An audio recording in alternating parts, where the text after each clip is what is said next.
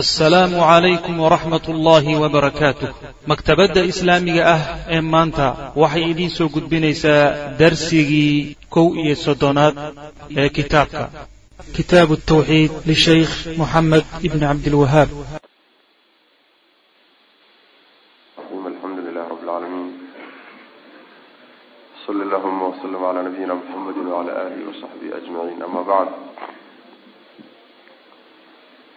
qala almualifu raximah llahu tacaala baabu man jaxada shaya min alasma wasifaat waqowli llahi tacaala wahum yakfuruuna biraxman qul huwa rabbii laa ilaha ila hu calayhi tawakaltu wailayhi mataab wuxuu baab u yahay man jaxada cidii diida shay-an wuxuun oo min alasmaa'i magacyaha ilaahay ka mid ah waasifaati iyo tilmaamaha alle ka mid ah. Ciddii diida. Cidaasuu baab u yahay. Wa qowli llahi tacaala buu baab u yahay. Orahdii ilaahayna baab uu yahay. Uu yidhi wahum yakfuruuna waxay ku gaaloobayaan. Biraxmaan magaca alle ee raxmaan ah ayay ku gaaloobayaan. Qul waxaad tidhahdaa huwa raxmaanku rabbii rabbigay weye laa ilaaha mid xaq lagu caabuduna ma jira illaa huwa isaga mooye. Calayhi isaga dushiisa oo keliya ayaan tawakaltu tala saaran. Wa ilayhi xaggiisaana mataabi noqoshadaydu ay ahaatay. Waxa uu baabkan sheekhu ugu talagalay inuu kaga hadlo. Qeyb ka mida tawxiidka. Oo inagii soo sheegnay oo tawxiidka culimadu saddex qeybood bay u qeybiyaan iyadoo lagu salaynayo alistiqraa baadhis markii la sameeyey oo nusuusta kitaabka iyo sunnada la dhex galay ayaa culimadu tawxiidka saddex qeybood bay u qeybiyeen qayb waa qeybtii ku magacaabeen baan idhi tawxiid aluluhiya qaybna waa tawxiid alrububiya qaybna waa alasmaa wasifaat alasmaa wasifaat marka baabkan kaga hadlaya. Alasmaa wasifaat macnaheedu waxa weeye ilaahay subxaana watacaala magacyuu leeyahay tilmaamana wuu leeyahay. Magacyahaas iyo tilmaamahaasina waxay ku yimaadeen kitaabka ilaahay iyo sunnada nabiga sal alla alay wasalam marka siday u yimaadeen kitaabka ay ugu yimaadeen in loo qaato loo rumeeyo? Middaas wey midda macnaha waxa weeyaan la rabo meeshan uu sheeku kaga hadlayo. Marka ciddii ilaahay magackiisa diida ama sifatiitiisa diida oo laga hadlo ayuu meeshani uu baab u yahay baabkan kadaata uu sheekhu u sameeyey. Diidadaasi marka waa dhowr nooc. Diido waa mid gaalnimo aho shaki uusan ku jirin. Ruux hadduu isa soo taagaba ilaahay magaca maleba tilmaamana male wax sifa uu leeyahay ma jirto waa gaalnimadiisa shaki kuma jirto. Maxaa yeelay ilaahay hadalkiisii subxaana watacaala iyo warkiisii iyo warkii rasuulka sal ly slam intaba waa diiday diidana waa inkaar iyo diido ta'wiil uu keenay. Macnaha waxa weeye sifaadkii ku soo arooray kitaabka ama sunnada ku soo arooray yaa wuxuu u fahmay macnaha ay saxda ku yihiin macno aan hayn. Yuu ka fahmay meel kaluu macnaha u leexinaya. Leexintaana hawadiisa ma raacayo waxoogaa meel buu yaraha maaragtay ama luuqa ah ama macnaha wax saas oo kaleeta ayuu ku yara tiirsan yahay. Macnaheedii oo laga leexiyo daahirka ahaa oo macno kale loo leexiyo iyadana waa nooc ta'wiil ah waaye. Ta'wiilkaasaa marka laba nooc isaguna ah. Nooc waxa weeye macnaha uu ka leexiyey mooye ee uu u leexiyey. Haddii luqada carabiga uu loo isticmaalo ta'wiil baa la yidhahdaa musawiq ah. Ta'wiil waxoogaa saa'iqa la yidhaahdaa. Oo masalan waxaa lagu misaaliyaa ilaahay subxaana watacaala tilmaamihiisa waxaa ka mid a qur'aanka iyo sunnada ku soo arooray ilahay inuu yad leeyahy inuu yad leeyahy gacan leeyahy yadda marka luqada carabiga waxaa loo isticmaalay ku soo aroortay bimacna anicma waalqudra awood iyo nicmo labadaba waa loo isticmaala luqada carabiga way ku timaadaa. Gacantana caadigana waa ku soo aroortaa markaasuu wuxuu ta'wiilinayaa macnihii saxda ahaa ee loola jeeday intuu ka leexiyo. Iyuu macno kaloo kelimadan loo isticmaalo luqada carabiga ay ku timid iyuu u leexinaya macna daahirka macnaha ka muuqdana waa ka leexinaya. Kaa waxaa la yidhahdaa ta'wiil oo saaiqa la yidhahda waxoogaa nooc nooc musawiqa ku jira kaas marka dadka la yimaadaay ma gaaloobayaan ma gaaloobayaan waana taqriiban culimada ta'wiilka samaysay intooda badan qaybtaasay ku jiraan. Qaybta labaadna waxa weye inuusan lahayn wax maaragtay yani musawiqa lahaynoo luqada carabigaaba kelimadan looma isticmaalo macnaha uu leexinayo macna loo isticmaalaba maaha kaasi waa kufri wey isagana waa gaalnimo wey macana sida ilaahi subxaana watacaala bal yadahu mabsuudataani markuu yidhi uu yidhaahdo yani dhulkii waxaa laga wadaa samada. oo dhul iyo sama yad looma isticmaalo. Luqada carabiga kuma timaado. Marka waa taxriif waay taas dhinahaasaa marka loo kala qadqaadaa oo macnaha waxa weeyaan yani ruuxa ku gafay marka la fiiriyo yaa loo kala qadqaada laakiin kulley kolleyba culimada waaweyn ee ajilada ah ee baabkan kadaata macnaha ku simbirraxatay yani waxay leeyihiin cudurdaarkooday leeyihiin. Walaa shak man jaxada ciddii diida shay-an wuxuun diida oo min alasmaai magacyaha ilahay ka mida wasifaati iyo tilmaamihiisa iyo wa qawlihi tacaala ilahay odhahdiisii buu baabu yahay uu yihi wahum yakfuruuna biraxmaan yani aayadda aayad baa ka horreysay kadalika arsalnaaka fii ummatin qad khalat min qabliha qad khalat min qabliha umamun litatluwa calayhim aladii awxayna ilayk wahum yakfuruuna biraxmaan ahayd. Kadalika sidaas oo kalean arsalnaaka ku dirnay nebigu ummatan ummad baan kuu dirnay. Ummadaasoo qad khalad ay tagtay min qabliha horteed. Umamun ummado kale ay tegeen maxaa lagugu diray? Litatluwa si aada ugu akrido calayhim dushooda alladii waxyiga. Awxaynaa aan waxyoonnay ilayka adigaan ku waxyoonnay. Waxyiga laguu sii dhiibay iyo kitaabka inaad ku dul akrido daraaddeed baan kugu dirnay. Walxaal baanu saa kugu dirnay oo waxyi kugu sii dhiibnay yakfuruuna ay ku gaaloobhayaan biraxmaan allaha raxmaan ay ku gaaloobayaan. Biraxmaanta lagama wado ilaahay bay diidan yihiin. Ilahay bay diidan yihiin lagama wado laakiin maxaa laga wadaa? Waxaa laga wadaa magaca raxmaan ah iyo ilaahay uga ogoleen subxaana watacaala oo way inoo imaan doontaa insha allahu tacaala. Carabtii jaahiliga ahayd. Magacyaha ilaahay subxaana watacaala arraxmaan wax la yidhahdo kumayna dari jirin umana umayna yaqaanaan. Saas daraaddeed way diideen. Waxay yidhahdeen raxmaanka dhaadood anagu ma garanayne na dhaafi bay yidhahdeen naro dhaaf.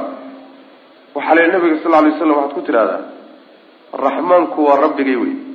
Rabbigay baa magaca raxmaan la yidhahda iskale mid xaq lagu caabudana ma jiro oon isaga ahayn.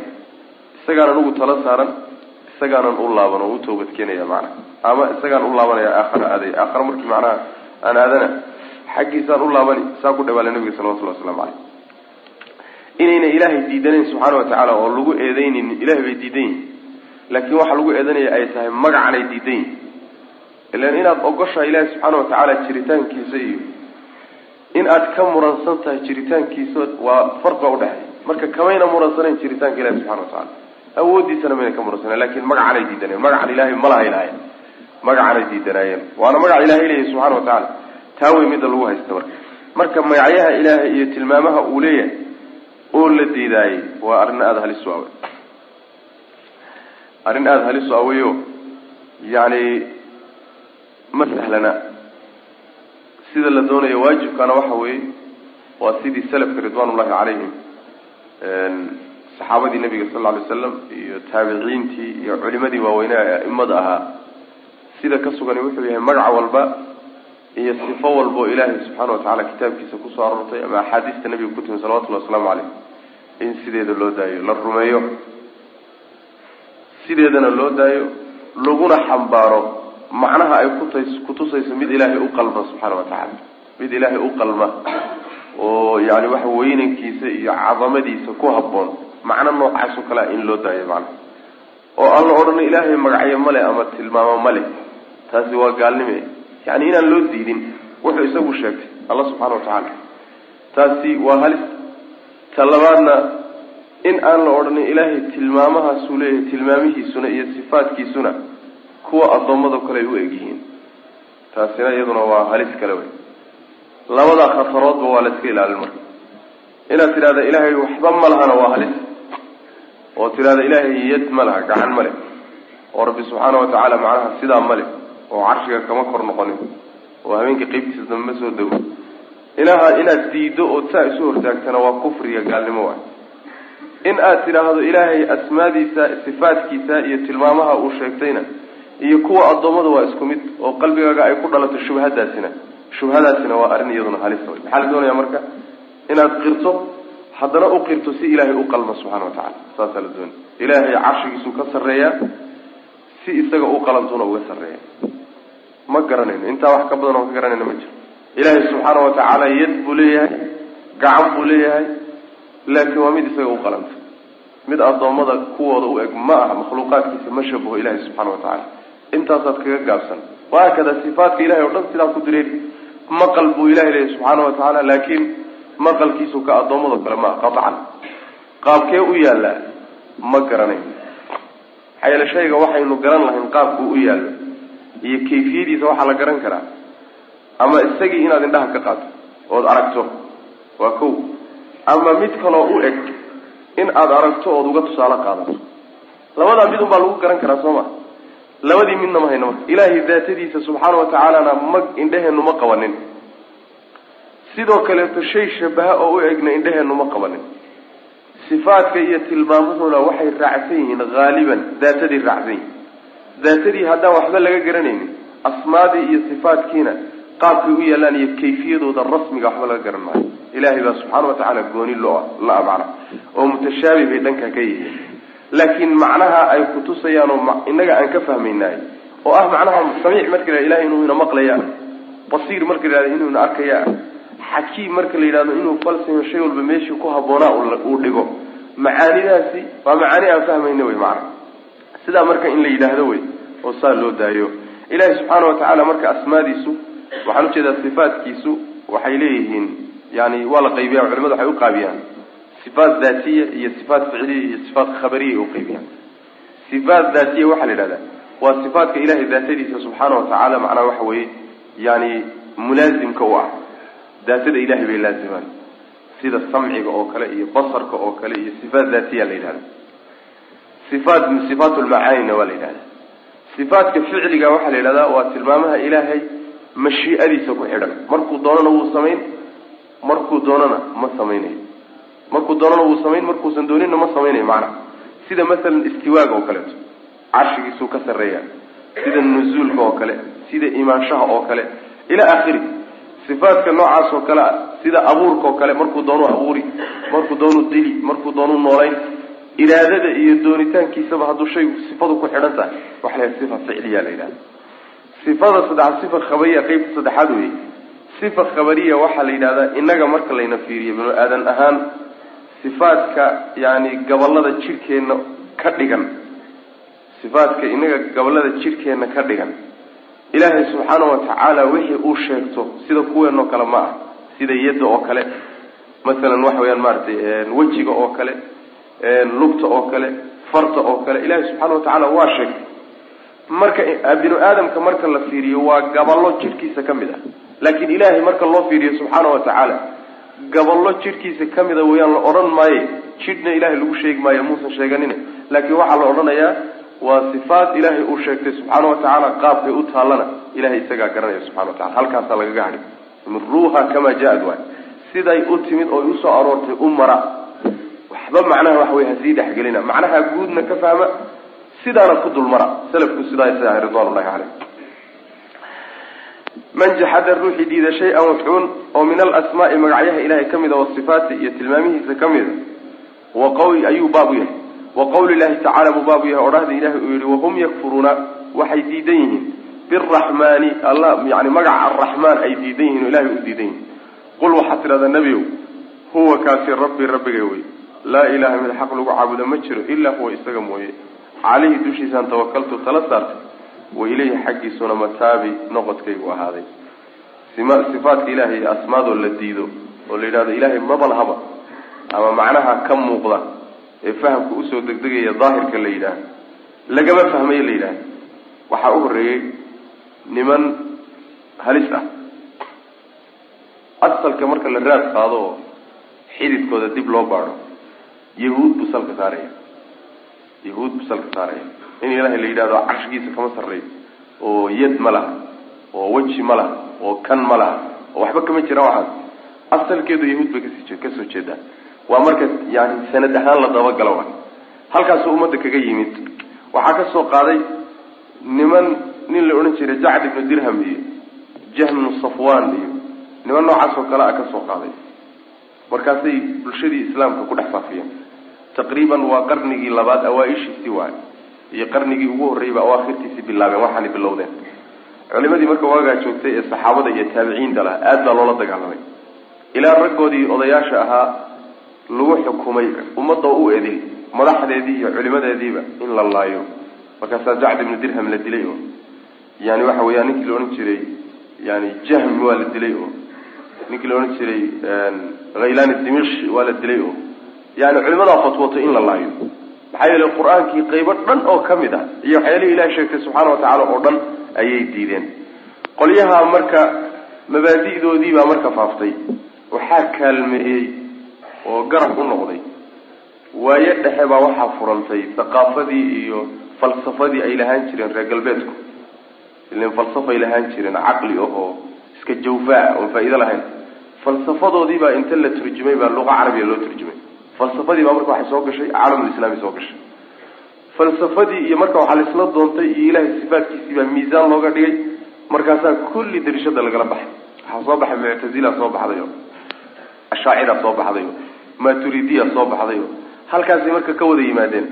Salkaas halkaasi ku wada hayaan waxayna ka midaysan yihiin ilaahay subxaana watacaala tilmaamuhu sheegtay iyo sifaatku sheegtay oo macnuhu u sheegtay laga leexiyo ama totalba la diidaba. Kulligoodba ma jiraan la yidhaha saasay ka midaysan yihiin maanaa qaar way wada diidayaan qaar qaar bay ka ogolaanayaan laakiin arrinkay ka midaysan waxa way sifaatkoo la diidan wey maana la leexiyo macnahooda laga leexiyo. Waana arrin halisa wey waana arrin bidca weyaano.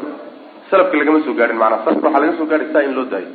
Saa in loo daayo. Sida saxaabada nabiga sal lla slam rag badan baa la weydiiyey oo ku jawaabay sideedaa uda u daaya mara oo kale. Imaamu maalik oo kale macnaha waa laga soo guuriyey imaamu shaafici sidoo kale waa laga soo guuriyey. Saa u daaya mara. Macnaha guud eed fahmaysaan mooye wax hoos damaynin hoos u sii gelina. Mama fahmi karno hoos haddaan u sii galno. Lama fahmi karno. Maayo la diidi maayo. Oo haddaad diidaayo waa halis sidaa marka ku mara wey macnaha saasaa nabadgelyadu ku jirtaa. Wa fii saxiixi lbukhaari saxiixu lbukhaari waxaa ku soo qaala caliyun cali inuu yidhi xaditu nnaasa war dadka uga sheekeeya bimaa yacrifuuna waxay fahmayaan uga sheekeeya waxay fahmi karaan. Aturiiduuna ma waxaad doonaysaan an yukadaba allahu in ilaahay la beeniyo iyo warasuuluhu rasuulkii. An yukadaba allahu warasuuluhu ma waxaad doonaysaan ilahay rasuulkiisa in la beeniyo? Wuxuu la hadlayay cali bn abi aalib radi allahu canhu niman waxaa soo baxay la yidhahdo qusaas qiseedo qisooy yani bulshada u qisooyo oo qisooyin hore uga sheekeeya waxaasaa dhacay oo tanaa jiri jiray waxyaalo badan macmacaan oo markaad dhegaysanayso aada u bogi ka sheekeeya. Oo aada loo jeceliya yaa soo baxay. Qisooyinkaa dadka ay ku sheegayaana murtasiqay ahaayeenoo waa ku shaqaysanayaan. Barnaamij ay wax ku doonayaan buu ahaa. Aada hadda waxaa looga sameeyaa macnaha waxaan ku arki jiray meelaha lafteeda waa ka dhacdaa laakiin waxaa aada loogu samayn jiray magaalooyinka weyne soomaaliya oo kaleeto niman intay suuqyada istaagaan dadka inay wacdinayaan isaga dhigo oo qisooyin akriya cabaar markay dhexda marinahayaanba intuu joojiyo hadda ku soo rida dhah. Markuu dhexda marinayo dadku aada ay u marqaansan yihiin la judbaysan yahay. Kusoo rida dhah. Yani waxa way kuwa noocaas oo kalea waay marka waxay soo qaadayaan oo dadka u sheegayaan wax walba wax jira iyo waxaan jirinba waa isugu darayaan. Ayaga muhimadooda waxa weeyaan keliyada dadka qulubtooda un kasbada waay jita macnaha marka niman noocaas oo kalea soo baxay xiliyadaas xiliyadaasay soo baxeen markaasuu cali bn abi aalib radi allahu canhu iyo rag fara badan ayaa marka nimankii hadalla ka yidhi waxa uu yihi war dadku waxay fahmayaan u sheega xaditu nnaasa bima yacrifuun. Waxay fahmi karaan u sheega maana dadka caqligooda iyo garaadkooda iyo fahamkooda isku mid ma aha. Ruux walba fahamka qadar buu ilahay ka siiyey subxana watacala cilmigana qadar baa laga siiyey. Marka ruuxa waxaad kula hadashaa ood kala hadashaa wuxuu fahmi karo. Wuxuusa fahmi karaynin soo maa oo ama mustawihiisa cilmigaan gaadhin ama caqligiisa amaan gaari karin ka daaya way macnaa dadka maxaa yeele waxay keeni kartaa inuu ruuxii yidhaahdo wixii diinta ka mid ahaa laakiin uu fahmi kari waaye ama caqligiisuba uusan gaadhin ama cilmigiisuba uusan gaadhin inuu yidhahdo war wax jira ma aha. Waxaasi wax jira mehe wax la fahmi karaba mehe waa mustaxiil. Oo diintii markaa wax kamida uu beeniyo sidaana marka uu ku gaaloba khatar uu ku galo macna marka wuxuu waxay fahmi karaan dadka u sheegay cabdullahi bn mascuud baa sidaasoo hadal noocaas oo kale isaga inaka lan tuxadita qawman xadiian laa tabluquhu cuquluhum ila kana libacdin fitna. Dadka ugama warantid war qaarkood uusan fahamkoodu gaari karin ilaa qaar baa ku fitnoobu leey qaar baa ku fitnooba oo diintooda kaga fitnooba macnaha su'aasha marka meesha joogtaa waxay tahay isweydiinta leh. Asarkan muxuu ugu keenay sheekhu baabkan ugu keenay baab lasmaa wasifaat muxuu ugu soo arooriyey. Macnaheedu macnaheedu ma waxa weeye? Asarku waa waxaan la fahmi karaynin dadka ka daaya oo haw sheegina. Mise waxaa laga wadaa macno kale laga wadaa. Macnaheedu waxa weeye dadka cawaamta ah iyo dadka aan fahamkoodu fiicnayn iyo dadka jaahiliinta aba asmaada iyo sifaadka qaar ka mid ah yayna fahamkoodu gaari karin masalan markaad ku tidhaahdo tusaale ahaan ilaahay subxaana wa tacaala habeenka qeybtiisa dambe marka la gaadho samadasa kuu soo degaa fahamka ugu horreeya qaadanayaan waxa waaye waa faham khada wey khalad a waay. Waxay isku isaga qiyaasanayaan. Makhluuqii ilahay iyo ilahay bay horta isaga qiyaasanayaan. Markaasa fahamkooda waxa uu soo degdegay oo ilaahay subxaana wa tacaala samada soka markuu u soo degay carshiga korkiisina soo baneeyey ila banu aadamkaa lagu makhluuqaa lagu yaqaanaa meel markay ka tagaan inay baneeyaanoo meel kale aadaan meeshii horey joogeen inay baneeyaan ko ta labaad oo samaawaadkii kale ilaahay ma ka sara mareen oo isagaa ka hooseeya miya. Fahmiye fara badan oo shaydaan waswaaskii ah ayaa markaba fahamkooda soo galay. Markaasay waxaan wax macquula ma ah inay beeniyaan bayba halis ugu jiraan. Marka sifaadka qaarkood ficlan oo aan la fahmi karayn ayna caamadu fahamkoodu gaadhin iyo dadka mubtadi'iinta ah ayaa jira. Sidaa daraaddeed uun dulmarkaa mooye ha dhexgelinina macno noocaas oo kale ah inuu sheekhu ka wato ayaa suurtagal ah. Waxaa kaloo laga hadlaa yani sida inoo maan doonta insha allahu tacaala asmaada ilaahay subxaana wa tacaala ma mutashaabiha mise waa muxkam sifaadkiisa iyo asmaadiisu. Ilan diintu qaarna waa muxkam qaarna waa mutashaabih muxkamka iyo mutashaabiha iyo asmaadu ma ka mid ba mise ka mid ma insha allahu tacala xadiidka inoo soo socdo. Wa fi saxiixi lbuhaari saxiix lbukhaari waxaa ku saaroy qaala caliyun cali wuxuu yihi xaditu nnaasa dadka u sheega bima yacrifuuna bimaa yacrifuunada lagama wado waxay un hadda waxay garanayaan unu sheega. Oo dee day garanayaan maxaba looga sheegi? Lagama wada saas ee waxay garan karaan wy maanaa wax markii loo sheego ay fahmi karaan oo yani waxa weya ka heer sarraynin u sheega wy maanaa ka ayna garanaynin oyna fahmi karaynin. Hadduu daruuri yahay oy u baahan yihiin oo diintii ka mid yahayna isaga laftiisa ha u sheegin oo faraha ka qaada meehe tartiib tartiib wey macanaa si tartiib tartiib a tilaabo tilaabo in yar in yar si ay u fahmaan macana saasaa laga wadaa. Ee sideedaba ka daayaba macnuhu ma aha. Maxaa yeele diinta qaybo badan oo asaasiyaad oo waxaa ku jira. Dadku marka horena fahamkooda ay ku adagta dhaqan ahaanna ay ku qasban yihiin marka ka daayo oo kaba daayo oo faraha ka qaada meehe laakiin waxa weeye tartiib si ay fahmi karaan ugu soo qaada wey macana oo u fahamsiiya. Aturiiduuna ma waxaad doonaysaan an yukadaba allahu in ilaahay la beeniyo iyo warasuuluhu rasuulkiisa in la beeniyo miyaad doonaysaan macana culimada islaamka ee yani la dhihi karo waa culimadii waaweynaad ee macnaha waxa weeyaan ummaddu lahayd saxaabada kadib aad bay macnaha waxa weye kutub aada u badan bay uga alifeen sidii dadka ahlulbidaca ah. Ee ilahay asmaadiisa iyo ku khaldamay loola dagaalami lahaa. Kutub aada u fara badan. Imaam axmed baa kitaab ka alifay wiilkiisa cabdullahi baa kitaab ka alifay cabdilcasiiz ilkatani ninkii la odhan jiray xayda kitaabka la yihahda lahaa baa ka alifay oo murisi yani waxa weeyaan radiyey waxaa ka mid a ninkii la odhan jiray abi cabdillahi almarwazi kitaabu sunna buu leeyahay.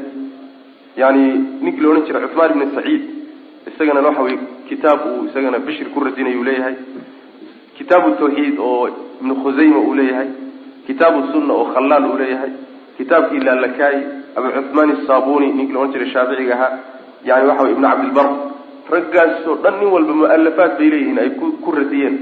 Qolyaha ay ku radiyeen macana qolyaha la radinayana kow waxaa ka ashaacirada kow ka ah madhabkan ashcariga ah ayaa kow ka ah macana maxaa yeele qolyaha khaldamay bay ku jiraano ku khaldamay arrimaha. Ficlan raggoodii ajillada ee waaweynaana madhabkan waa ka laabteen ficlan waxaa ragga ka laabtay kow ka ah abulxasan alashcari laftiisa oo kutub ka alifay inuu madhabka ka laabtay. Waxaa ka mid a abubakr albaqillani ninkii la odhan jiray. Macnaha raggii muxaqiqiintii madhabkooda ka mid ahaa madhabkan ashcariga waxaa ka mid ahaa ninkii la odhan jiray fakrurazi abu xamidin alghazali. Raggaasoo dhan waa ka laabteen. Ninkii la odhan jiray macnaha waxa weeyaan imaam lxaramayn waa ka wada laabteen macnaha si cad bay u caddeeyeen inay ka laabteen markay ku daaleen oo cimri badan uu kaga lumay. Inay markii dambe macnaha waxa wey derbi madaxa ku dhufteen. Ayna ka laabteen macnaha sidaas wey marka natiijo male aakhirkiisu waa sifir sifir un macnaha. Warawa cabdurazaq cabdurazaq wuxuu wariyey can macmar wuxuu ka warinayaa can ibni taawus. Can abihi taawus ibnu kaysan wuxuu ka warinaya can ibni cabaas buu isaguna ka warinaya anahu ibnu cabaas ra'a inuu arkay rajulan nin buu arkay ninkaasoo intafada gilgishay. Lamaa samica markuu maqlay xadiidan xadiidkaasoo cani nabiy sal ly sl nabiga ka soo arooray fi sifaati ilahay sifaatkiisana ku saabsan. Nin gilgishay oo ishayn kari waayey ayuu arkay.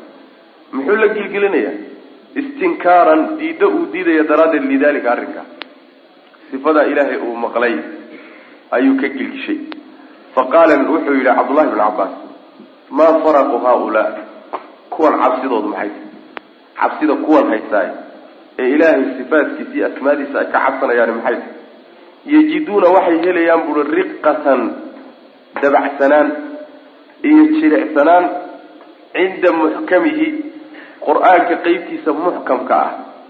Markay ag joogaan oo akrinayaan waa dabcayaan oo way ogolaanayaan oo waa qaadanayaan macna. Wayahlikuuna way halaagsamayaan cinda mutashaabihihi. Qur'aanka qeybtiisa mutashaabiha ah markay ag joogaan oo akriyayaanna waa halaagsamayaan macna saasuu cabdullahi u yihi macnaheedu waxa weeye cabdullahi bni cabaas macnaha taqriiban cabdullaahi yani isagoo yar buu ina nabigu geeriyooday salawatullahi wasalaamu caleyh saxaabada qeybtii cimriga la siiyey buu ka mid ahaayo wuu daahay. Marka bidcooyinkan bilowgeedii waxbuu ka soo gaadhay. Cabdullaahi marka maalin maalmaha ka mid a ayuu wuxuu arkay nin xadiidka nabiga sal lay slam marka la akriyo oo sifaat iyo tilmaamaha ilahay ka hadlaya gilgilanahayo oo ishayn waayey oo ka gilgilanayo diiddo uu diidan yahay iyo inkirid uu inkirayuu la gilgilinaya markaasuu yihi maxay ka cabsanayaan kuwani? Waa la yaabka maxay taha cabsida haysi iyo khawfka haya muxuu yahy markii qur'aanka qeybtiisa muxkamka la sheegana waa u dabcayaan. Mutashaabihiisa marka la sheegana macnaha waxa weeyaan waa halaagsamayaan sidaas wy macnaha marka riqadaasi waxaan u jeedaa muxkamka iyo mutashaabiha waa kuwa fi awali suurati nisa lagu sheegay. Muxkamka waxaa la yidhahdaa waa qur'aanka macnihiisu cad yahay. Macnihiisu cad yahay la fahmayo waay mutashaabihana waxaa la yidhahdaa waa qur'aanka qeybta aan macnihiisa la fahmayn saas waa mutashaabih waxaan u jeedaa yani mutashaabih waxaa la yidhahdaa mutlaq ah. Qaybina mutashaabih nisbiya la yidhahda mutashaabiha mutlaqa waxaa la yidhahdaa. Qayb qur'aanka ka mida oo nina uusan waxba ka culimada iyo caamadu macnaheeda waa u siman yihiin waxba lagama fahmayo waxaa ka mid a qaybahaas yani su yani xuruufta muqaacada ee suuradaha lagu bilowdo o kaleeto aliflam mim iyo xamiim cayn sinqaaf iyo kaaf haya cayn saad iyo taha iyo xuruufta noocaas oo kale waxba laga garan maayo. Culimada iyo caamadu waa u siman inkastoo saxaabadu iyo taabiciinta iyo culimadu wax ka sheeg sheegaan haddana sida saxiixa waxba laga garan maayo. Mutashaabih mutlaqa la yidhahda waa loo wada simanya dadkao dhan buu ka qarsoon waxaa ka mid a masalan yani ruuxda yas'aluunaka can ruuxi. Qul maya yasaluunaka can ruuxi. Qul iruuxu min amri rabbii saas min amri rabbii un baa la yidhi. Waxba laga garan maayo. Qur'aankayna ku soo arortay waxaa ka mid a masalan saacadda iyo xilligay imaanaysa ayadana qur'aankay ku soo arortay haddana waxba laga garan maayo ilahay baa cilmigeeda gooni la qaybahaasi waxaa la yidhahdaa mutashaabih mutlaqa la yidhahda qaybna mutashaabih nisbiya la yidhahdaayo dadka qaarna way garanayaan qaarna way ka qarsoontahay. Qaarna way garanayaan qaarna way ka qarsoon tahay la yidhahda macna. Oo masalan waxaa ka mid a cilmi badan oo culimada diinta dhex gashay ay garanayaan laakiin dalabatulcilmiga iyo caamada iyo ka qarsoon baa jira. Qaybtaasi marka waa mutashaabih nisbi a mutashaabih marka la fiiriyo wey iyaa loo fiirinaya. Caamada iyo marka loo fiiriyo dalabatulcilmiga mubtadi'iinta waa mutashaabih laakiin marka loo fiiriyo culimada diinta dhex gashay mutashaabih maha iyagu way garanayaan macana saas daraaddeed baa waxaa ku kala salaysan ina yani waxa weeyaan yani wamaa yaclamu ta'wiilahu ila allahu waraasikuuna fi lcilm ila allahu haddaad ku istaagto oo waqti taam aada ku samayso o aadan raacinin waraasikuunada aada ka goyso waxay noqonaysaa waa mutashaabiha mutlaqay noqonaya wamaa yaclamu ta'wiilahu mutashaabihan ta'wiilkiisa iyo xaqiiqadiisa ma garanayo alla mooyaane waraasikuuna fi cilmi waa hadal bilaabanaya marka haddaad xidhiidhiso oo wamaa yaclamu ta'wiilahu ila allahu waraasikuuna fi cilmi aada isku xidhana yani yani laa yaclamu ta'wiila waxay noqonaysaa cilmi la'aanta iyo garasho la'aantaasi waa mutashaabihi nisbiga ah marka. Raasikuunta unbaa garanaye may garanayaan dadka intiisa badan bay markaa noqonaysa laakiin culimada raasikiinta baa fahmaya. Mutashaabihaasi marka markii la joogana mutashaabiha marka waxaa la doonaya siday ayadu tilmaantay wixii macnihiisa la garan waayo. Inta macnaheeda la garanayo in dib loogu celiyo. Ila qur'aanku isagaa isfasiriya iscadaynaya midka macnihiisa la garanayaana umul ah oo isagaa badan oo isagaa kitaabka asalkiisa. Inta macnaheeda aan la garanayninna waa in kooban. Intaasi marka waa in intaa loo celiyo wixii la fahmi waayana ilahay loo daayo subxaana watacala saasaa la rabaa. Sifaatka ilaahay een marka hadda ku dhex jirnaayo mutashaabih miya mise mutashaabih maaha? Cabdullahi ibni cabaas hadalkiis sida ka muuqata waxaad moodaa inuu ka dhigayo mutashaabih inuu ka dhigayo. Saasa ka muuqata. Laakiin labaa loo kala qaadayaayo sifaatka macnahooda asliga ah iyo kayfiyadooda iyo qaabkooda iyo xaqiiqadooda. Ilaahay agtiisa ay kaleeyihiin waa mutashaabih wax la garanayana maaha weliba waa mutashaabih mutlaqa wey. Ilahay unbaa garanaya subxaana watacaala laakiin macaanidooda oo markii samiic la yidhahdo in maqal laga wado basiir marka la yidhahdo arag in laga wado yani waxa yani xayin marka la yidhahdo nolol in laga wado macaanidaasi yani waxa wey marka la fiiriyo mutashaabih ma aha oo marka la yidhaahdo layna yidhaahdo. Ilahay subxana wa tacala aayad qur'aan uu ku yidhaahdo ina allaha gafurun raxiim iyo marka la yidhahdo shadiid lciqaab ma isku macnaynu ka fahmayna? Abadan laba macno soo kama kala fahmayno midna waa baabu macnaha waxa weye wa waciid weeyaano waa goodi. Oo waa laynoo goodinahayayo war ilaahay ciqaabtiisu waa daran tahay oo waa laydin caroon oo waxan ka dhaata la sheegayo halis baad ku gelaysaan waay midna naxariis ilahay waay. Waa laydin dambi dhaafi oo idin naxariisan oo ilahay naxariis waa bulaadhan tahay marka ilahaas waa in aan ka fahmayno wy laakiin naxariista ilahay qaabkay u taallaa oo macnaha ilahi subxaana watacaala maqalkiisu qaabkay u yaalla oo rabbi subxaana watacaala gacantiisay u taallaa oo ilahay istimihiisu see u yaalla xaqiiqa ahaan mas'alada dhankaa marka la fiiriyo waa mutashaabih. Waxba lagama garanayo macaanideeda laakiin waynu garanaynaa oo inagama qarsoona macnaha. Macaanida kale ee aan hadda tilmaamayo macnaha ayb can cabaasin ana rajula anahu ra'a wuxuu arkay ibni cabaasin rajula nin ayuu arkay oo intafada gilgishay lamaa samica markuu maqlay xadiidan xadiid uu maqlay can nabi sal lay waslam xadiidkaasoo fi sifaati ku saabsan istinkaaran diida ayuu la gilgishay lidalika arrinkaa uu diiday faqaala cabdullahi wuxuu yihi maa faraqu haaulaai kuwan cabsidoodu maxay yani maxay ka cabsanayaan maxay kala cabsanayaan maana ilahay sifaatkiisa markay maqlayaan dadka qaarkii oo kale dad waad arkaysa khaasatan dadkii culimada ahaa markii ilahay sifaatkiisa la sheego la yidhaha war sidooda ha loo daayo. Rag badan baa fadhiga ka kicay rag badan buusan qalbigooda u adkeysan karayn maxaa yeelay sifaatkani wax kale ka fahamsan yihiin sifaatkana waxaaba laga fahmay haddii la sheego oo la sugaba. In ay uun tahay uun ilahay subxaana watacala makhluuqiisa ogy khaladkuna kow wuxuu ka dhalanaya inaad marka horeba iskaga qiyaas qaadato ilaahay iyo makhluuqiisa. Wax islana ma markii la yidhahdo war ilaahay yad buu leeyahy oo gacan buu leeyahy ilan gacan kale ma naqaano gacan makhluuqun baynu naqaanaa soo ma? Markaba fahamkeena iyo qalbigeena waxaa ku dhalanaya alalahay gacanta la sheegayo waa tan oo kale. Waa khalad marka fahamkaa ku gelayo waswaaskaasaba khalada waa ilaahay khaaliq weeye. Addoommadiisa meel la ugama eka. Sifo uu isaga dhawaadaanna ma jirto. Horta taa meel ku eg. Marka labaad sifadii ilaahay uu sheegtay subxaana watacaala daatadiisay raacsanta daatadiisa ayay raacsanta ka addoommada loo sheegana daatadoodii raacsanta waxa ka dhexeeyana waa magaca. Intaa uu gara macana waxa ka dhexeeyana waa magaca. Ta addoommadana yad baa la yidhahdaa ta ilaahayna yad baa la yidhahda laakiin qaabkay u yaalaan isku mid ma. Ah wax isu dhowna maa wax laysaga qiyaas qaadan karana maa waxaad misaalba kugu filan.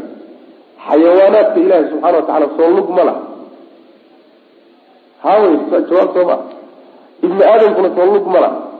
Labada lugood ma isku mid ba abadan isku mid maa maroodiga iyo bani aadamku isku lug maa yani waxa wey geela iyo arigu isku lug maa haddana waa wada lug bal sid marka waxani magaca keliya wadaagaan laakiin qaabkay u yaalaan ka ilaahayna waa mid ilaahay u qalanta subxana watacala iyo sifaatkiisa daatadiisay u qalantaa jalaaladiisa iyo weynankiisay u qalantaa ta makhluuquna waa makhluuqay u qalantaa dacfigooda iyo tabarxumadooda iyo yani liidashadoodii iyay u qalantaa ta ilahayna subxana watacala isay u qalanta markaad saa meel u dhigto sifo kasta ilahi baad usugay subxana watacala laakin shubhadaa tashbiiha hadday ku gasho bas waa. Waana midda macnaha khaladay wey culimo fara badanoo halis gelisay. Intooda badan niyadnamimaad ku xambaartay inay yidhahdaan ilahay gacan ma laha. Oo ilahay subxana watacala lug ma laha oo ilahay far ma laha oo ilahay kan ma laha inay yidhaahdaan niyadsami baad ku xambaartay. Oo ilaahay subxaana watacaala tanzihiya oo u diida xumaan oo kala dagaalama inay addoommadiisa loo ekeysiiyo niyad samidaasaa ku xambaartay laakiin waa khaldamay. Niyad samidu mar badan baynan waxba kuu tarayn haddii aada macnaha khaldanto. Marka intooda badanna waa culimo mujtahidiin ah ha ijtihaadeen ijtihaadkay ku khaldameen lagu raaci maayo. Yaa laga dhiganay marka daliil sheekh hebel baa maray oo imaam nawowi baa maray oo ibni xajar baa maray oo fulaan baa maray oo ilaahay kuguma adoonsanin subxaana watacaala inaad hebel iyo hebel iyo hebel raacdo.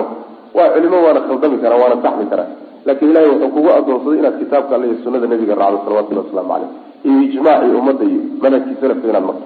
Taasuu ilahay kugu adoonsaday subxana watacala aaxaad alculamaa si kasta hadduu u celmi badanya waa gafi karaa waana khaldami karaa waana simbiraxan karaa. Ilahayna subxaana watacala wixii ijtihaad iyo niyadsame uga dhaca waa u dhaafaya. Adigana waajib waxaa kuwa inaad ku dabagelin. Wixii saasoo kale uga dhacay ha ku dabagelin macnaha ku garamar oo yani waxa ciddii saxsan ku dhacday macnaha. Ma faraqu haaulaai buu yajiduuna waxay helayaan riqatan yani dabacsanaan bay helayaan iyo ogolaansho ay ogolaadaan cinda muxkamihi qur'aanka muxkamkiisa agtiisa yani ka macnihiisu cadya wayahlikuuna way halaagsamayaan cinda mutashaabihihi ka macnihiisu qarsoon yahayna agtiisa way ku halaagsamayaan oo macnaha way beeninayaan oo way diidayaan. Walamaa samicad markay maqashay qurayshun quraysh markay maqashay rasuul lahi sal lay slam rasuulka markay maqashay oo yadkuru sheegaya arraxmaan magaca ilahay isagoo sheegaya ayay ankaruu dalika arrinkaasay diideen faanzla allahu fiihim markaasuu ilahay wuxuu ku soo dejiyey ku soo dejiyey wahum yakfuruuna biraxmaan waxay ahayd xadiidkii saxiixa nabiga ka soo aroray salawatullhi wasalaamu calayhi xadiidkii sulx xudaybiya heshiiskii xudaybiya. Markuu nabigu la gelayay salawatullhi wasalaamu caleyhi heshiiska la kala qoranayay. Ee ninkii la odhan jiray suhayl ibni camr oo ergeygii xagga quraysh ka socday ah markay wax kala qoranayeen iyuu nabigu sal lla alay waslam wuxuu yihi qoraalkii bilow cali qoraalka qoray. Markaasaa wuxu uhi nabigu sal lla alay waslam waxaad qortaa bismi illaahi araxmaani araxiim ma yani waraaq baa lagu bilaabaya la kala qoranayo. Markaasaa suhayl wuxuu yihi anagu arraxmaan wuxuu yahay ma fahmayne bismika allaahumma noo qor. Bismika allahuma anu naqaanaa allah bay u yaqaaneen ilaah. Laakin arraxmaantan waxaanu fahmayna maaha mana garanayno magaca ilahayna inuu yahay uma haysane naga tir bu nabigu salawatullhi wasalaamu caleyhi wuu yihi ka tir. Bismika allahumma u qor sidii baa loo qoray. Aayaddana marka soo degtay oo lagu sheegayo raxmaan bay diidan yihiin.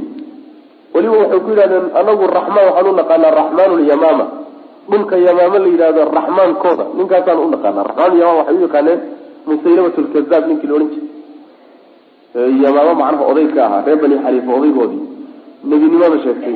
Ninkaasa waxay isku magacaabeen raxmaan lyamaama marka waxay yidhahdeen laa nacrifu raxmaana ilaa raxmaan alyamaama sidaa daraaddeed naga daabideen raxmaanka waxaan fahmayna mehe ilahay baa subxana watacaala eedeeyey. Magaca ilaahay ee ay diideen yaa lagu eedeynaya marka. Soo ma jeed? Macnaha aayaddana lagama wado allay diidan yihiin oo alla way ogolaayeen subxana wa tacala walain sa'altahum man khalaqa asamaawaati waalard layaquluna allah sooma ilahay waa ogolaayeen laakin waxa lagu haysta waxa weeye sifo iyo tilmaan ilahay tilmaamihiisa kamida iyay diideen. Seed ku diideen way ilahay baaba sheegtay subxana wa tacala saas wey maana marka dadka diidan baa la mid a hadda. Walamaa samicad markay maqashay qurayshun quraysh rasuul lahi sal ly sl nabiga markay maqashay oo yadkuru sheegaya alraxmaan raxmaankaa sheegayo oo qur'aanka ku sheegaya ayay ankaruu dalika arrinkaasay diideen. Faanzla allahu fiihim ilahay baa wuxuu ku soo dejiyey arrinkooda wahum yakfuruuna biraxmaan yani aayaddii inoo soo horumartay macnaha waxa wey baabka uu sheeku ku bilaabay. Saas weyan ilahay magacyihiisu markaa barbadiin kaad ku baridaba iyo kaad ugu yeedhataba waa kii kale wey qul idcu llaha aw idcu raxmaan ayamaa tadcu falahu lasmaa lxusna ama alraxmaan dheh ama alraxiim dheh ama allah dheh kaad ugu yeedhataba waa kii kale wey ilahi subxaana watacaala yani waxa wey waad ugu yeedhan kartaa fiihi masail baabkan masail dhowraa ku jirta alula masalada koowaad waxa wey cadam liimaan iimaan la'aan yani iimaan iimaankii oo macnaha tirmaya waay muxuu ku tirmayaa iimaankii bijaxdi shayin wax la diido oo min alasmaai wasifaat ilahay magacyihiisa iyo sifaatkiisa kamida oo la diidaayo iimaankii baa ku baaba-ay yani gaalnimay keenaysaa way macana athaaniyatu masalada waxa wey labaadi waxa wey tafsiru aayati racdi suuratu racdi aayaddii ku soo aroortay oo iyadana la fasiro. Athaalithatu masalada saddexaad waxa wey tarku lxadiid tarku taxdiid yani ka waramid la daayo. Bimaa shay in laga waramo oo layska daayo o laga tago shaygaasoo laa yafhamu saamicu ninka ku maqlayayo uusan fahmaynin ruuxa ku maqlaya wuxuusan fahmaynin ka daa. Saas maana yani xikmad dacway kutusaysaa dacwada marka dadka loo gudbinayo si xikmad leh in loo gudbiyo oo dadka la miisaamo waxay fahmi karaan. Iyo mustawahooda heerkooda waxbarasho meeshu joogo. Caqligooda iyo garaadkooda intuu yahay in la miisaamo. Kolbana in ay qaadi karaan la siiyo macna saas wey oo hunguri wax ka weyn la geliyo wuu dilacaayo. Qalbi inaan yani waxa weyaan la gelin fahamkooda aan lagu dayin wax ka xoog badan macna. Saasa macnaha waa maaratay layna baraya alraabicatu masalada afraad waxa wey dikru lcillati cilladii iyo sababkii oo la sheego cilladu maxay tahay? Sababka loo diidan yahay muxuu yahay? In dadka looga sheekeeyo waxayna fahmayn sababku waxa weeye annahu isagu yufdi wuxuu gaadhsiinayaa ilaa takdiib illahi warasuulih ilahi rasuulkiisa in la beeniyo ayuu keenaya oo dadka gaadhsiinaya walow lam yatacamad yuusan uba qasinba almunkiru ninka diidaniy macnaha sifadii markaa diido ama shaygii aad fahm addoonku fahmi waayo markuu diido oo uu inkiro ilaah iyo rasuulkiisii ayuu beeniyey isagu yuusan uba qasin be see wey macnaha macnaheedu waxa weye aayadii aayadaha qur'aanka iyo axaadiista wax ku soo arooray ma jiraan markaas kaas aada fahmi weydid be taasi waxay noqonaysaa wax ilaahay yidhi iyo wax rasuulkiisa yidhi inaad ku gacan saydho arrintaasina waa haliso beenin bay keeni kartaa ilahay rasuulkiisa la beeniye macana alkhaamisatu masalada shanaad waxa weye kalaamu ibni cabaas ibni cabaas hadalkiisi liman cid uu ku yidhi ciddaasoo istankara diiday shay-an wuxuun oo min dalika ilahay asmaadiisa ka mid. Wa anahu ruuxaasina ahlakahu wa anahu kaasina inkaarkaasina ahlakahu inuu halaa inuu halaagay. Ruuxii diiday ilahay sifaatkiisa inuu halaagsamay. Ayuu macnaha ibnu cabaas u arkaya oo macnaha ku gacan sidaas way marka. Baabu qawli llahi tacala wuxuu baab u yahay orahdii ilahay uu yihi yacrifuuna nicmat allahi uma yunkiruunaha waaktaruhum lkaafiruun yacrifuuna waxay garanayaan. Nicmat allahi ilahay nicmadiisay garanayaan. Uma haddana yunkiruunaha way diidayaan. Wa aktaruhum intooda badanna alkaafiruuna gaalo wey baabkan wuxuu sheeku kaga hadlayaa. Yani ilaahay subxaana watacaala nicmadiisa uu addoommadiisa ugu nimceeyey iyo gallada uu siiyey oo u galay. Taasaa lagaga hadlaya marka aayadan ayuu ku tafsiirinaya aqwaashii salafkay ku soo aroortay ku fasireenna wuu sheegaya intaa way macna. Marka aayaddu waxay leedahay nicmadii ilaahay bay garanayaan. Haddana waa diidayaan. Oo garasho iyo diidba meel ma wada galaan. Way wada galaanoo? Nicmooyinkii ilaahay way garanayaanoo markii roob la siiyo ilaahay inuu siiyo way garanayaan. Markii barwaaqo la siiyo in ilaahay siiyo waa garanayaan. Nabadgelyadeeda inuu ilahay siiyo way garanayaan. Intaa la garay oo ma odhanayaan wax nicmo aba nalooma gelin. Nicmooyin iyo barwaaqooyin inay haystaan ilaahay siiye waa qirsan yihiin laakiin waa diidan yihiin xaggey ka diidan yihiin waxay ka diidan yihiin nicmooyinkii ilaahay u galay yaa waxay rumaynayaan oo qalbiga gashanayaan inay cid kale masalan sabab asbaabta wax lagu raadsado ka mid a iyay nicmadii u fiirinayaan allihii keenay ee sababkan iyo nicmadaba keenayna way halmaamayaan. Waa kow. Oo masalan waa inagii soo marnay waxay odhanayaan markii yani roobka u yimaado. Xidig hebel baa keenay. Xidig hebel ayaan roobkan ku helnay. Dabaylaa isbedelay waxaasaa dhacay. Asbaabtiibaa marka ama waxaan asbaabba ahayn ayay nicmadii ilaahay u tiirinayaan. Xagga marka la fiiriyo waa diido ilahay nicmadiisa ay diideen. Waa qireen inuu ilaahay keenay haddana waa diideen. Taa waa la dhihi karaa. Ta labaadi waxa weeye in ay nicmadii ka mahadnaqideedii iyo shukrigeedii la imaan waayaan oo ay shaydaan ku adeecaan. Nicmadii yaa bixiyey ilaahay baa bixiyey. Inuu isagu bixiyena waa u ogolyahay. Laakiin daacadeedii iyo amar qaadashadeedii iyo shukrigeedii yay siiyeen.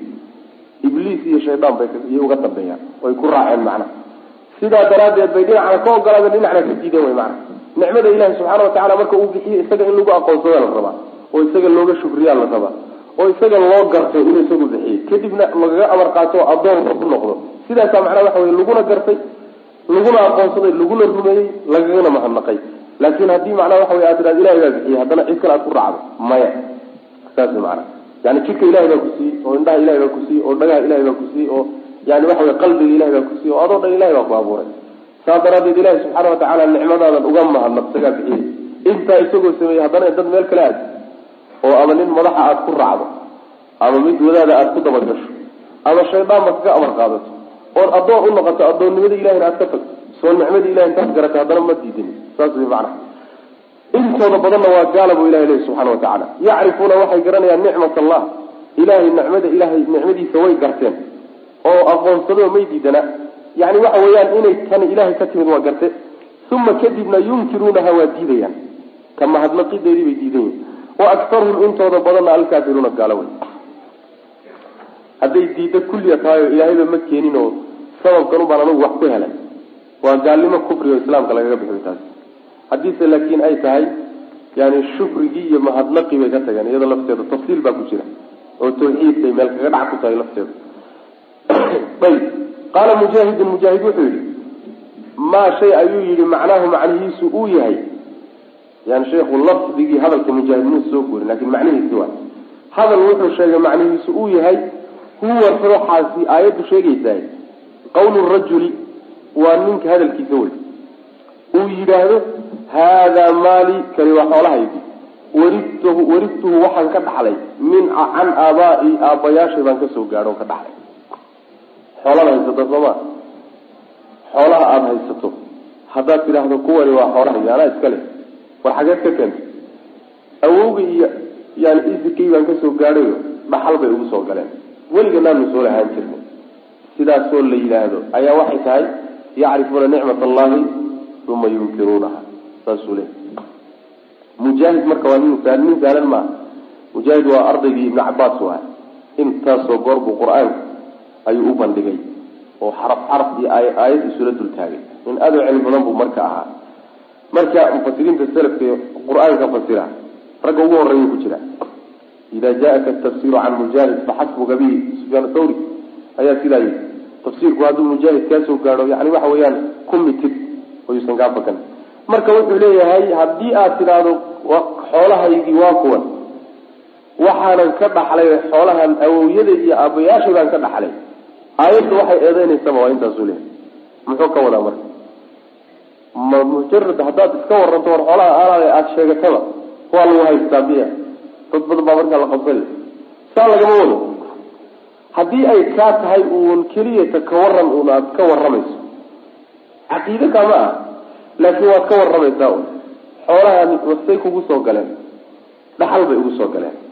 War xoolaha yaale anaa iskale intaa un hadday tahay oo ka warramida dhib ma laha. Waxaa yihi nabigeena salawatullhi wasalaamu calayhi maalintuu maka gelayay ayaa waxaa lagu yihi nabiga sal lay slam berrita gurigiini miyaad ku degi doontaa? Markaasaa wuxuu yihi sal lay slam wahal taraka lana caqiil. Yani caqiil ninkii la odhan jiray wax ma nooga tegayba. Waxyaalihii macnaha awoyadii ay ka tageen. Waxbaba noogama tegin waxba noomuusa noo dhaafin marka daar inay lahaayeen oo daartoodi waana markaa daartaadii miyaad kudegi daartiini miyaad kudegi doontaa baa layihi marka waa la kala dhaxlaa oo sharci xoolaha waa la dhaxlaa oo anaana waa la yidhaahdaa oo taasi dhib kama socdo. Laakiin dhibku wuxuu ka socdaa xoolahan in aad tidhaahdo dhaxal unbaaba ku helayba ilaahay ima siinine ufiirso ilaahay ima siin inaan qalbiga gashado xag ilaahay wax iga yimi ma jire. Laakiin awowgay baa lahaa. Awowgay hadduu lahaana awowgay baa aniga iga soo gashay. Laakiin ilahay maxaa meesha soo geliya ilaahay waxba ima siininba lufna kuma laha meesha. Wax gacanada kuma laha taa markaad rumaysa wey midda macnaha waxa wey uu mujaahid sheegayo maana ee halista. Sidaas weyaan ama mehe yani shay qarsoon sabab qarsoon oon sabab saxana ahayn ayaad xoolihii utiirisay oo wixii utiirisay oo waxaa tii masalan roobka waxaan ku helnay sheekh hebel yani waxa wey ducadiisaan ku helnay karaamadiisaan ku helnay oo sheekh hebelkaan tegeysa waa sabab qarsoon. Sabab qarsoonahaada kaba sabab sharciya ma ah sabab macnaha waxa weeye xaqiiqiyana ma aho addoommadu asbaabta ay indhahooda arkaan ee ay tajribe ahaan u arkeenna ma ah. Waxaan qarsoona sheegaysa marka waxba kama jiro. Taasoo kaleeto marka waa shirkiya gaalnimo waa. Haddaad leedahay sababkan unbaa wax isiiyey isaga xaggiisa wax ka soo filan wax dhaafsiisan ma jirana. Ayadana wax gaalnimo way waa mida marka mujaahid u diidan yahay macana laakiin warramid caadi ah dhib male sidaas huwa qawlu rajuli. Waa ninka odhahdiisa uu yidhi haada kani maali xoolahaygii wey waristu waxaan ka dhaxlay can aabaa'i. Yani soomaalidu meelaha kale waa ku fiican tahay. Markaad tirahdo war xoolaha yaa iskale anay ugu magacaaban yihiin bu dhihi. Anay ugu magacaaban yihiin waa naqaana waa fiican tahay maxam yani mulkigay ku jiraan alaaledaa laga warwareegaya anay kollay hadda igu magacaaban yihiin wa qaala cawn ibn cabdillahi baa wuxuu yihi yaquuluuna waxay leeyihiin lawlaa fulanun hebel hadduusan jiri lahayn jiri lahayn lam yakun kada saas maba dhacdeenba hebel hadduusan maanta jiri lahayn alalaha ninkaasi halis buu geli lahay hadduusan ilaahay hebel ku gacan qaban laha haddaan hebel uusan maanta gacan qaban lahayn uusan meeshaa joogi lahayn dhibkaasaa dhici laha waxaa lama heleen taas weyaan bu aayadda miday ka hadlayso wayacrifuuna nicmat allahi uma yunkiruunaha cawn iyo cabdillahina sidaasuu ku fasiray isagun iyadana waxaa laga wadaa haddii ka warramid caadiya ay tahay oo aada leedahay uun war ninkaasi halis buu galay ama ruuxaasi halis buu galay ama waxaasi hebel baa sabab u noqday. Dhankaa haddaad ka warramayso warbixin keliya ay kaa tahay iyaduna dhib male laakiin haddaad rumaysan tahay waxa la badbaadiyey hebel un inuu badbaadiyey. Sabab keliya maahe isaga wax ka sheeya maba jira. Awalan wa aakhiran asagaa waxaan kadaata qabtay. Ilaahay subxaana watacaala kaalmadiisana meesha kuma jirto sabab keliyatana ma aha taa way midda marka gaalnimada halista. Wailaa ka warramid keliya hadday tahay iyo inuu sabab u noqday dhib male. Nabigu sal lay slam waa kii xadiiska saxiixa ku yihi lawlaa ana lakana fi darki lsfali min annaar. Awogii abu aalib markuu ka hadlayay yani adeerkii adeerkii abu aalib markuu ka hadlayay wuxuu yihi haddaanan anigu jiri lahayn naarta salka ugu hooseeyuu geli lahaa buu nabigu salawatulli waslamu caleyh macnaha uu u shafeeco qaaday oo uu ergeeyey ergadiisiba marka naarta salkeeda inta lagaga soo saaray baa waxaa la keenay meel macnaha waxa weeye qarkeeda oo lugaha uu kula jiro naarta laakiin qayb tagtana oo dhan naarta uu kala baxsany marka nabigu wuxuu yihi sal lay slam lawlaa ana lakana fi darki lasfali lawlaa buu nabigu isticmaalay salawatulli waslamu caleyh marka waa warramid nebigu male anaa awood wax ku qabtay oo anaa wax u qabtay oo anaa kan sameeyey oo anaa anaa ma ah. Laakiin waxa weye ilahay sabab buu iiga dhigay macnaha shafaacadaydu sabab uga dhigay. Ilahay baa waxaan bixiyey laakiin shafaacadaydu sabab uga dhigay macnaha intaa hadday tahay dhib male marka. Laakiin waxaa la diidaya asbaabta in la cuskado way waxa laga dagaalamayo wa qaala qutaybatu qutayba wuxuu yihi aayaddaa la fasiraya hada yaquluuna waxay leeyihiin hada kani bishafaacati aalihatina ilaahyadanada ergadoodaan ku helay wy dhagaxyaantan ay caabudi jireen iyo waxaanay ku tiirsanaayeen yaa markii ilaahay wax keeno oo nicmo uu siiyey. Yaa waxay odhan jireen ma ilaahay nama siiniye waxaa noogu ergeeyey. Toos macnaha ilahay noogama soo gaarin laakiin waxaan ku helay biwaasitati alwliya biwaasitati macnaha asnaam. Kuwaasaa ilaahay noogu tegey oo noogu ergeeyey oo noola hadlay. Saa daraadeed bay nagu soo gaarin aayaddu kuwa sheegaysa kuwaas macnaha. Oo nicmadan ilaahay inuu bixiye garte. Laakiin haddana waxay u tiirinayaan ilaahay toos nooma siinina dad kalaa nooga soo qaaday. Saas way macnaha. Waxaa la mida inaad tidhaahdo awliyada shafaacadoodaanu roobka ku helnay oo sheekh hebel markaanu siyaaradiisii tagnay. Oo aanu macnaha waxa weye xoolo qallay oo awowgii markaan xusnay. Ayaa roobkii naloo furay. Oo xoolihii noo tarmeen. Oo caafimaad aan helnay waa shafaacadii waay. Taas way midda marka la diidan yahayo ilaahay subxaana watacaala maxaa yeelay waxyaalahan sabab xaqiiqiyana maaha. Waa sabab wahmi ah waay sabab wahmi wey wax shafaaca ay leeyihinna ma jiro oo macnaha waxa wey asnaamtani ay ilahay wax kaga soo qaadi karaan. Awliyadan adduunka joogta iyo saalixiinta iyo dadka wan wanaagsanna ilaahay subxaana watacala aakhare mar la tagay la geray laakin adduunka inta la joogo ilahay subxana watacaala erge wax kagama soo qaadi karaan. Waaba geeriyooda qarbi qabri bay ka hooseeyaan. Marka taa weye iyaduna aayadday soo geliyo yacrifuuna nicmat allahi uma yunkiruuna. Oo ilahay baa toos waxaan idiin siiyey. Idina idinkama soo qaadin wey maana wa qaala qutaybatu wuxuu yihi yaquuluuna waxay leyihin hada bishafaacati aalihatina kan aan helay waxaan ku helnay ergada ilaahyadanada ilaahyadanadii baa noo ergeeyo ilahay wax nooga soo qaaday. Wa qaala abulcabaas wuxuu yihi bacda xadiidi zayd ibni khaalid. Zayd ibni khaalid xadiidkiisii kadib. Alladii xadiidkaasoo fiihi dhexdiisa u ahaa ana allaha tacaala alle qaala inuu yihi asbaxa min cibaadii mu'minun bi wa kafirun addoommadayda waxaa waa beriistay qaar i rumeeyey iyo qaar i beeniyey. Alxadii xadiidka waynu soo marnay yani iqra ilxadiida xadiidka akri oo dhamaystir wey macana xadiidka way xadiidkan soo marnay. Waqad taqadama xadiidkan waa inoo soo hormaray. Wuxuu abulcabaas markii yihi xadiidkan wa hada arrinkani kaiiru waa farabadanya fi lkitaabi wasunna kitaabkii sunnada aada buu ugu badan yahay yadubu subxaanahu alla wuxuu caayaya oo dhaleecaynaya man yudiifu cidda u tiirisa incaamahu nicmadii uu isagu bixiyey ilaa gayrihi cidaan isaga ahayn u tiirisa oo wayushriku bihi lana wadaajisa markaa yani ilahay cidaan ahayn u tiiriso markaa kadibna wixii ilaahay uu lahaa oo cibaadada ahaa qayb ka siiya macna. Qoladaasay ka hadlaysa. Qaala bacdu salafi culimadii salafka qaar ka mid a waxay yidhahdeen huwa ruuxaa nicmada ilaahay gartay haddana diidayy ka qawlihim oo dhahdoodii oo kaleeto wey ay odhan jireen kaanat iriixu ayibatan wlmallaaxu xaadiqa. Badda markay marayaan doomihii shiraaca ayay ku socon jireen. Marka doomaha shiraacana dabaylaha wada. Markay dabayl wanaagsan marka ay doonta wado oy si fiican u socdaan. Waxay odhan jireen ilaahay baa waxaan sidan na siiyey oo na badbaadiyey oo socodka wanaagsan na siiyey oo doonta noo waday oo meesha ka baahna ayaa waxay odhanayaan kaanat iriixu dabayshaa waxay ahayd maanta dayibatan mid wanaagsan.